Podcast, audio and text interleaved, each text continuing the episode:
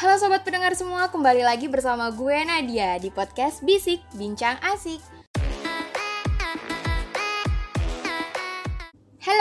Kenalin gue Nadia, mahasiswi UIN Jakarta, seorang pegiat anti narkoba di wilayah kampus. Nah guys, gue pengen ngomongin masalah narkoba dan gimana sih tips dan triknya biar kita tetap mengkece bareng penuh karya tentunya tanpa narkoba. Nah biasanya gue ngasih materi ini ke teman-teman mahasiswa dan juga teman-teman siswa-siswi lah ya untuk penyuluhan mengenai narkoba. Tapi di hari ini gue bakal bahas sesuatu yang sangat ringan aja gitu tentang narkoba itu sendiri. Nah, gue mau mulai dari Indonesia Darurat Narkoba. Menurut teman-teman, kenapa sih bisa Indonesia itu dibilang darurat narkoba? Nah, gue dapat data beberapa data karena sebelumnya gue mengikuti kegiatan webinar penyalah anti penyalahgunaan narkoba gitu gitu dari Forum Nasional Mahasiswa Anti Penyalahgunaan Narkoba. Nah, di sini didapat bahwa kenapa Indonesia bisa dikatakan darurat narkoba? Yang pertama, secara letak geografis Indonesia ini termasuk wilayah yang sangat strategis sekali, sehingga si narkoba ini jadi lebih mudah masuk dan nyebar di seluruh wilayah Indonesia. Waduh. Nah, yang kedua, peredaran gelap narkoba ini bukan hanya menyasar ke orang dewasa dan remaja aja, tapi juga anak-anak. Makanya ini bisa dibilang Indonesia darurat narkoba. Karena karena kalau secara kita tahu ya bahwa anak-anak ini adalah uh, sasaran yang paling empuk karena ketika dia dihukum juga hukumannya ya dia masih di bawah umur gitu ya. Jadi kayak empuk banget gitu nggak bakal kena hukum. Makanya tuh jadi apa ya? Jadi sasaran empuk lah bagi para kartel-kartel ini nih narkoba gitu. Selanjutnya secara demografis si Indonesia ini jadi pasar potensial peredaran gelap narkoba gitu. Udah gitu banyak banget kan penduduknya dan rata-rata adalah orang-orang yang masih masih dalam usia produktif. Terus juga Nah, di sistem penegakan hukum yang belum mampu memberikan efek jerak kepada penjahat narkoba, makin makin bikin-bikin deh ya, makin jadi-jadi dah, makin banyak aja kasus-kasus penyalahgunaan narkoba yang sering muncul. Kalau gue bisa tangkap dari sini, kasus penyalahgunaan narkoba di Indonesia itu gue analogikan sebagai gunung es. Kenapa? Karena karena kalau gunung es pasti kan kalau yang kelihatan pucuknya doang kan. Nah, sama halnya dengan eh, kasus-kasus narkoba, kasus-kasus penyalahgunaan narkoba di Indonesia. Jadi cuman dikit aja gitu pucuknya aja yang kelihatan. Tapi ternyata kalau dituntas, diusut semakin dalam, ternyata banyak. Nah, ini yang yang gue sebut sebagai analogi gunung es. Terus juga modus operandi dan variasi jenis narkoba yang terus berkembang Nah, kalau misalkan teman-teman sering denger ya, denger cerita-cerita kasus-kasus narkoba tuh kadang kartel-kartel ini apa ya mempunyai modus operandi yang luar biasa unik gitu. Nanti dimasukin ke apa kek ke barang apa kek yang kita tuh nggak duga-duga. Bahkan beberapa waktu lalu gue pernah denger dititipinnya lewat kurir gojek gitu ya kurir gojek kayak gitu. Nah gojeknya nggak tahu apa-apa. Nah kira-kira kurir gojeknya bersalah nggak? Nah berdasarkan undang-undang juga kan bukan hanya bukan hanya si yang menyalahgunakan saja tapi yang membantu gitu nah tapi kalau kita kalau kita lihat gitu ya kasihan banget ya abang gojeknya jadi jadi kena korban gitu padahal dia nggak tahu apa-apa.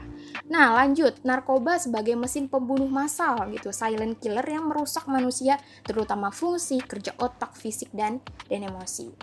Nah, gue pengen pengen kasih tahu nih ya, kan di di era yang sekarang gitu ya, di masa pandemi sekarang ini, justru menurut teman-teman uh, narkoba ini menurun atau malah meningkat sih? Nah, ini akan dijawab dalam video yang akan gue tayangin gue setelin buat teman-teman semua. Ini adalah salah satu uh, salah satu jawaban gitu bahwa di pandemi ini narkoba justru menurun apa meningkat sih? Nah ini dia. Simak baik-baik videonya Badan Narkotika Nasional menyatakan kasus penyalahgunaan narkoba di Kota Pontianak meningkat pada tahun 2020, terutama saat pandemi virus corona yang sedang melanda dunia. Permohonan rehabilitasi dari tim penyidik tercatat bertambah drastis dalam waktu satu semester. Yang biasanya pengajuan hanya berada di bawah angka 50, kini melebihi target yang telah ditetapkan. Terbanyak yakni berkaitan asesmen rencana rehabilitasi bagi pelaku, baik dengan kategori medis maupun hukum. Kita melihat dari korelasi korelasi da dari apa yang terjadi yaitu dengan situasi pandemi covid tentunya yang saya sampaikan tadi ya kan beban hidup meningkat ya kan tingkat stres meningkat. Nah, ini ada kaitannya. Bisa jadi yang tidak sanggup dan tidak mampu menghadapi hidup ini larinya ke hal-hal yang menyimpang. Menjadi pelaku ya mencari uang ingin mencari e, menafkahi keluarga dengan cara gampang, jadi pelaku pengedar, kuri dan sebagainya. Ya stres bisa jadi pelariannya ada yang menggunakan narkoba. Ini ada indikasi-indikasi ke arah demikian. Oke, dari video yang tadi udah didengarkan sama-sama ya, kita bisa tarik kesimpulan bahwa ternyata di, pan di era pandemi kayak gini justru um, kasus penyalahgunaan narkoba makin meningkat gitu. Awalnya gue gue duga gitu ya, gue duga-duga ternyata kayaknya pandemi kayak gini malah bikin ini deh, bikin menurun gitu ya, menurun uh, peredaran gelap narkoba. Wah ternyata aku salah gitu ya. Ternyata cewek juga bisa salah ya guys. gitu ternyata salah ternyata justru makin meningkat gitu di era pandemi kayak gini dan didukung beberapa data gitu yang menjelaskan bahwa di era pandemi meningkat peredaran gelap narkobanya dan operandi-operandi yang sangat unik sekali bikin kayak geleng-geleng kepala deh gitu. Tetap aja gitu. Ya alasannya tadi udah dijelaskan karena apa? Karena ekonomi dan juga tingkat stres gitu tingkat stres yang meningkat. Nah ini nah ini gue pengen kasih tahu gitu ya beberapa beberapa bulan ini diawali dari dari bulan Januari sampai September ternyata banyak sekali artis-artis yang terjerat kasus penyalahgunaan narkoba gitu. Dan ditutup di September kemarin uh, kita tahu lah ya komika seorang komika dia ditangkap karena penyalahgunaan narkoba jenis sabu gitu. Nah kalau misalkan dari sini gue yakin yang yang denger denger podcast ini bukan hanya pemuda aja gitu ya bukan hanya pasti banyak lah ini yang denger denger podcast ini. Tapi intinya adalah apa? Yang pertama gue pengen ngasih tips dan trik gimana caranya sih kita bisa uh, apa ya namanya menjaga diri kita dan mudah-mudahan insya Allah gitu ya insya Allah bisa terhindar dari peredaran gelap narkoba. Yang pertama selektif dalam pergaulan gitu. Gue pengen ngasih tahu selektif dalam pergaulan apakah lu harus pilih-pilih teman? Tentu pilih-pilih teman. Mana yang baik mana yang buruk gitu. Tapi bertemu sama siapa aja boleh nggak nat? Boleh gitu. Tapi tetap selektif gitu. Selektif. Nah kalau misalkan lu tahu ada teman yang memang punya dampak buruk bagi lu ya lu gitu lu memiliki akal pikiran dan otak sebaiknya tahu gitu untuk tidak untuk tidak berteman lebih jauh gitu cukup kenal aja gitu Nah, selanjutnya hindari keluyuran malam. Mak kan pernah bilang jangan main malam-malam ya gak sih gitu. Karena apa? Main malam-malam lebih banyak mudorotnya daripada manfaatnya. Nah, tips yang kedua ini adalah hindari keluyuran malam karena pergaulan bebas itu terjadi di malam hari dan menyebabkan tingginya perilaku menyimpang bagi remaja. Wah, itu banyak banget di perilaku menyimpang di remaja tuh. Terus selanjutnya adalah fokus pada hal-hal positif karena kita tahu kan kita tuh pasti punyalah hal-hal hal-hal atau kegiatan-kegiatan produktif. Nah, itu dilakukan terus-menerus gitu agar apa? Agar kita nggak kepikiran sama sekali untuk menyentuh barang-barang yang tidak diperbolehkan seperti narkoba gitu. Jadi kalau orang yang udah fokus pada hal-hal yang positif, buru-buru dah dia mau mikirin yang kayak begitu-gituan gitu. Jadi udah aja fokus sama hal-hal positif yang membangun dia untuk tetap eh untuk terus berkarya dan maju gitu ke depannya. Terus yang selanjutnya ada jangan takut kehilangan teman. Kebanyakan dari kita itu apalagi di usia peralihan dari uh, remaja menuju dewasa itu kan lagi masa-masanya uh, pencarian jati diri. Terus di situ kan lagi bener-bener banyaknya teman-teman gitu. Dari situ tuh sebenarnya posisi kita tuh lagi di ambang-ambang gitu, di ambang kelabilan. Ini gue kalau kagak temenan sama dia, gue kagak punya temen gitu ya. Embel-embel relasi padahal padahal dia tahu gitu kalau temen dia tuh eh, nggak uh, baik gitu buat dia tapi tetap ditemenin. Karena apa? Karena pengaruh gitu pengaruh dari temennya sangat kuat. Terus juga dia dia lemah terhadap penjagaan diri baik iman dan ilmunya. Jadinya ya udah mau nggak mau dia tertarik gitu. Nah kalau dari gue gitu kalau dari gue sendiri jangan takut kehilangan teman. Karena teman yang baik akan mendorong kamu ke hal-hal yang baik gitu. Sedangkan teman-teman yang teman-teman yang memiliki maksud buruk gitu ya pasti akan ketahuan gitu sih seiring berjalannya waktu. Jadi selektif lah gitu balik lagi yang tadi tips pertama ya.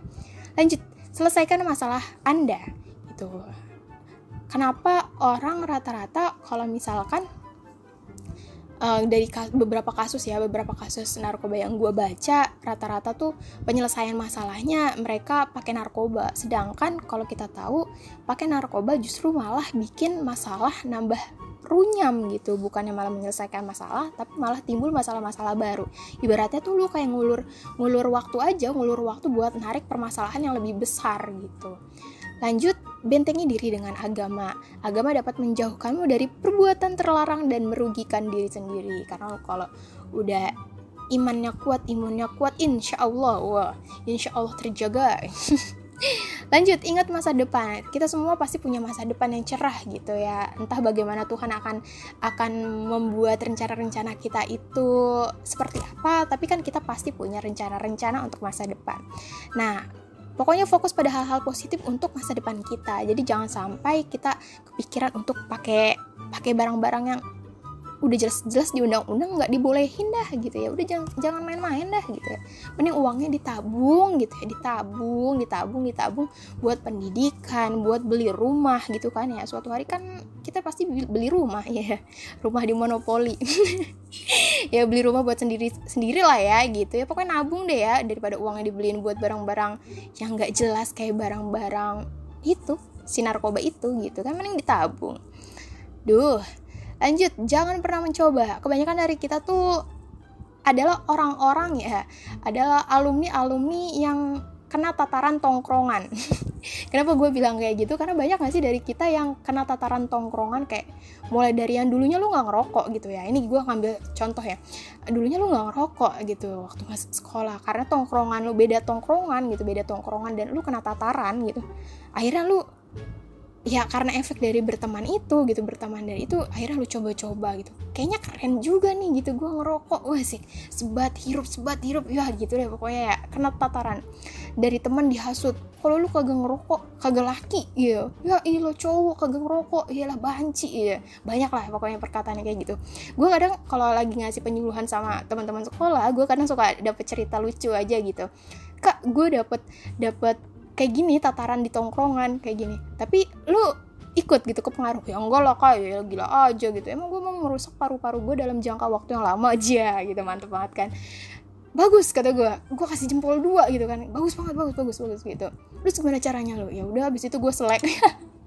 Kasian banget ya dijauhin dari tongkrongan. Nggak apa-apa nggak apa-apa. Walaupun dijauhin dari tongkrongan lu pasti punya teman-teman yang memang sevisi dan semisi kayak lu gitu. Udah lu tetap tetap sehat dan fokus pada hal-hal positif aja gitu. Karena karena ujung-ujungnya apa? Dari beberapa yang gue lihat gitu ya terjun di lapangan gitu ngerasain cerita-cerita orang-orang uh, atau adik-adik gitu ya terkait penataran di tongkrongan gitu. Kayak awalnya mula-mula ngerokok terus abis itu langsung ke alkohol gitu. Alkoholnya alkohol aduh gue nggak tahu udah namanya apa gitu. Pokoknya abis itu gue minum minuman kayak gini kak gitu. Wah bikin teler dah gitu. Banyak banget nih cerita-cerita yang gue dapet kalau gue lagi penyuluhan di lapangan.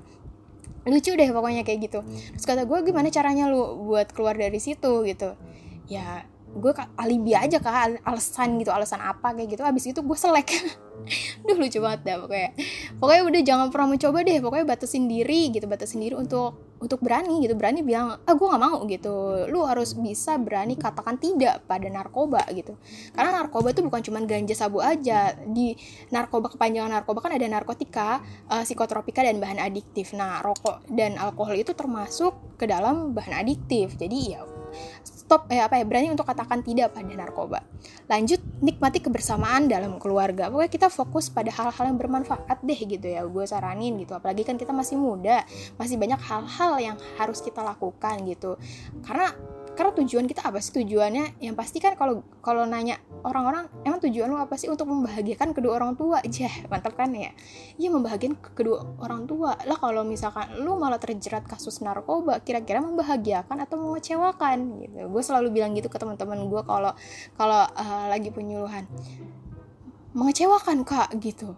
Ya berarti kalau lu mengecewakan berarti artinya lu gagal iya kak gitu. Ya udah berarti sekarang waktunya lu untuk fokus pada hal-hal yang positif gitu. Apalagi kan perjalanan lu masih panjang nih gitu. Gue kalau misalkan curhat sama teman-teman yang lagi saat lagi penyuluhan ya kayak ya udah ngomong aja gitu. Makanya dari situ kayak oh iya bener ya kanat ya gitu. Iya bener bener bener gitu Oke, itu terkait tips tangguh bebas narkoba ala gue. Jadi mudah-mudahan dari beberapa tips dan ilmu dan informasi ya di hari ini bisa bermanfaat buat teman-teman semua.